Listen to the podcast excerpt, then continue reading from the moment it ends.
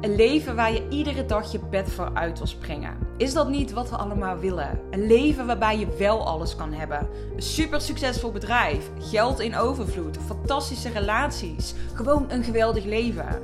Ja, dat is mogelijk, alleen het komt niet vanzelf.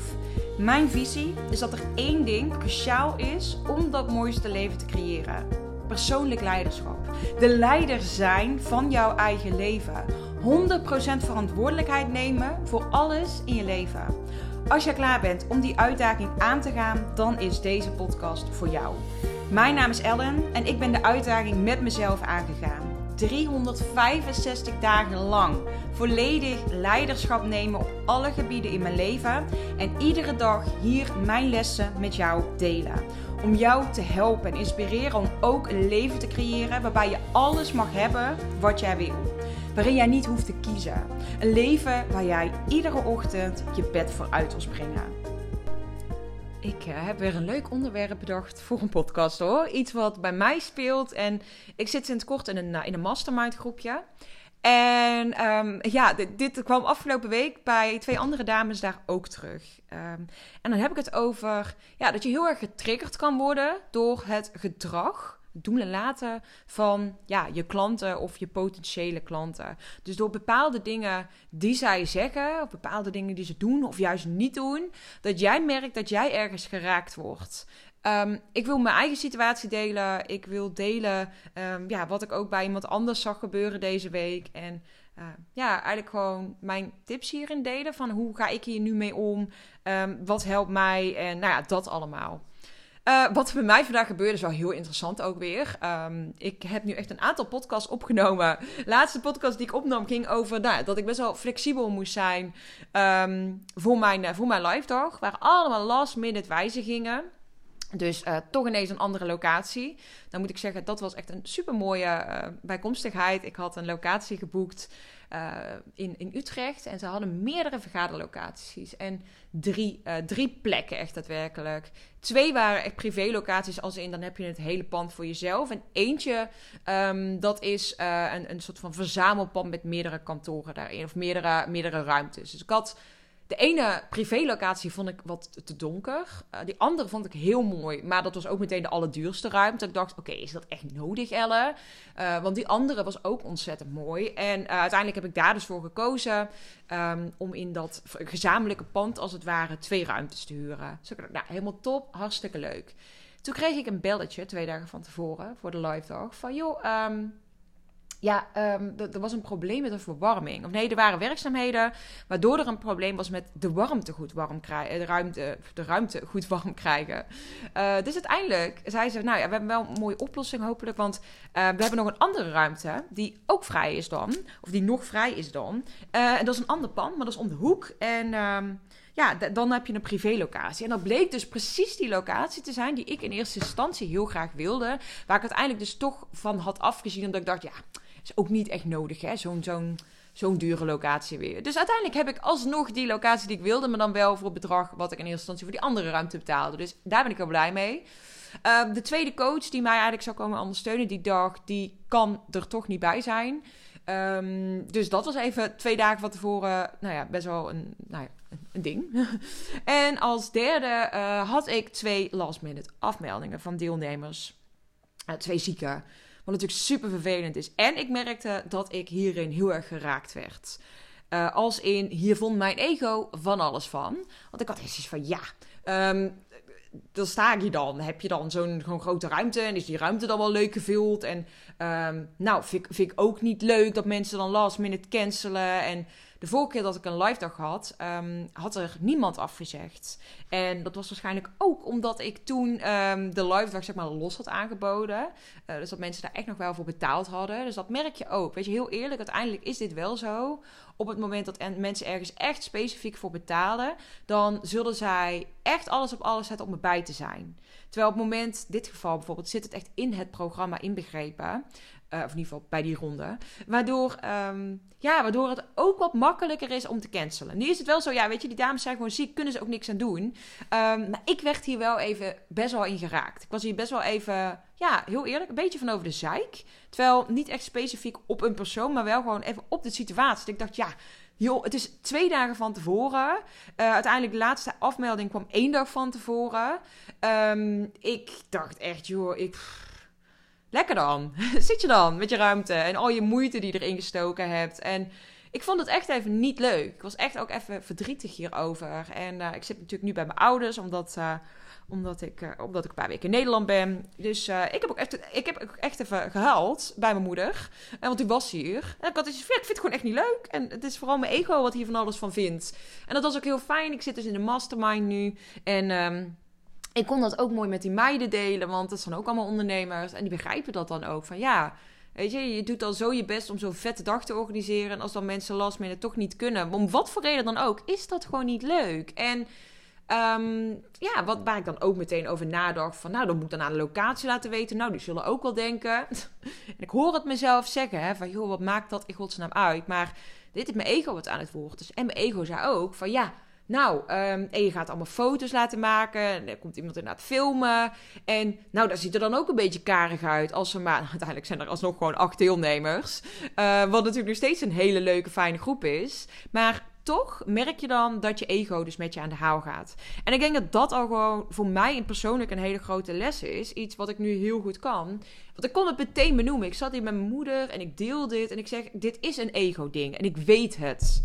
Maar puur dat jij weet dat het een ego-ding is, betekent niet dat het dan ook maar meteen leuk is. En um, ja, nou ja, dat is, dat is waar ik dan vandaag even doorheen ben gegaan. Ik zat echt even heel erg in weerstand en frustratie. En ik vond het gewoon echt even heel erg vervelend. En ik werd er echt even heel verdrietig van. En ik baalde. En ik dacht ineens, ja, ik moest vandaag nog de laatste hand gaan leggen aan het programma ook. En hele stomme praktische dingen. Maar bijvoorbeeld de groepjes die je dan gemaakt hebt. Van, oh, dat is een fijne opdracht. Die kun je dan in drietallen doen of in tweetallen. Als er dus mensen ineens niet meer zijn, moet dat ook veranderd worden. Dus voor mijn gevoel heb ik echt alles ja, helemaal continu om moeten gooien. Omdat ik continu aan alle kanten veranderingen had. Dus ja, dat is een hele uitdagende um, uitdagende organisatie dit wel. Ja, dus, uh, ja, en ik vind het ook heel leuk. Want dit zijn wel de momenten waar ik van ik weet... ik groei hier enorm van als, als ondernemer zijnde en als persoon zijnde. Maar het is niet altijd leuk. Um, en um, ja... Ja, ik zat te denken, ik wilde eigenlijk ook nog die andere situatie delen van, uh, van die dame uit het mastermind groepje. Maar ik denk dat ik die even achterwege ga laten. Uiteindelijk is dat natuurlijk ook niet mijn verhaal. Um, maar het, het is wel gewoon iets wat vaak voorkomt. Dat uh, en dat zul je waarschijnlijk zelf ook wel eens meegemaakt hebben. Dat een klant bijvoorbeeld iets tegen jou zegt. Of um, dat iemand iets afzegt. Of uh, weet ik veel wat er gebeurt. Last minute iets willen verzetten. Um, laat reageren. Of juist heel um, heel veel berichtjes sturen. Bijvoorbeeld, stel jij hebt bijvoorbeeld WhatsApp support wat je aanbiedt of Voxer of wat dan ook. En iemand stuurt jou continu berichtjes of vraagt jou continu: hey, kun je hier nu op terugkomen? Um, dat kan jou allemaal heel erg triggeren. En ik denk dat dat heel belangrijk is als ondernemer zijnde. Dat jij heel bewust moet zijn van um, ja, of jij vanuit een soort van zuivere energie handelt. Ik werd even gebeld tussendoor en ik nam op en er was niemand. Dus, nou, waar was ik gebleven? Um, ja, dat je dus vanuit een zuivere energie handelt. Dat is denk ik altijd heel belangrijk. Dat op het moment dat een klant jou dus ergens intriggert... Um, en dat kan echt iets heel kleins zijn, waar je denkt: oh, waarom ben ik nu zo geïrriteerd? Of waarom maakt het mij verdrietig? Waarom maakt het mij boos? Ga dit bij jezelf onderzoeken.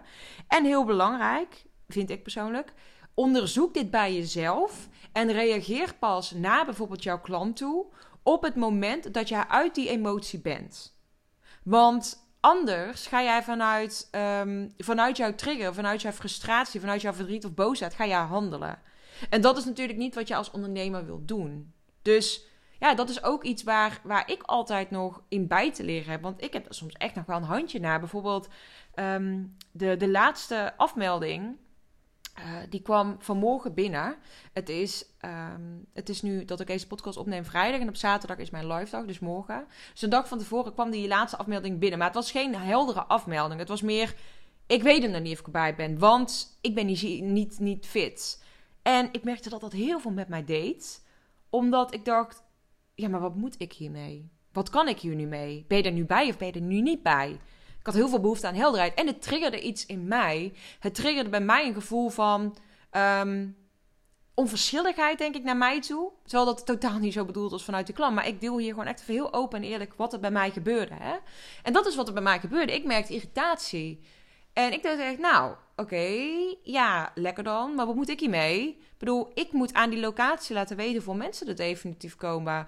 Um, ik heb natuurlijk ook gewoon mijn kosten. En dat maakt echt niet, dat gaat dan niet om een paar tientjes, maar het gaat er mij dan heel erg om het principe. En dan, dan raakt mij dat dus. En dan moet ik dus zorgen dat ik niet vanuit dat gevoel reageer naar een klant. Dan mag ik dus eerst zelf onderzoeken, waarom raakt dit mij?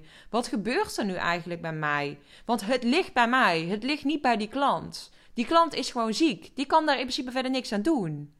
Maar bij mij gebeurt er iets. Ik word ergens in getriggerd. En dat is dus het werk wat ik dan te doen heb. En hetzelfde geldt dus ook voor jou. Op het moment dat jij merkt dat jouw klanten jou ergens in triggeren. Of dat er een situatie, dat hoeft ook niet met klanten te zijn. Dat kan natuurlijk ook zijn met, uh, met, met je partner, met een vriend of vriendin, wat dan ook, je ouders. Jij wordt ergens ingeraakt.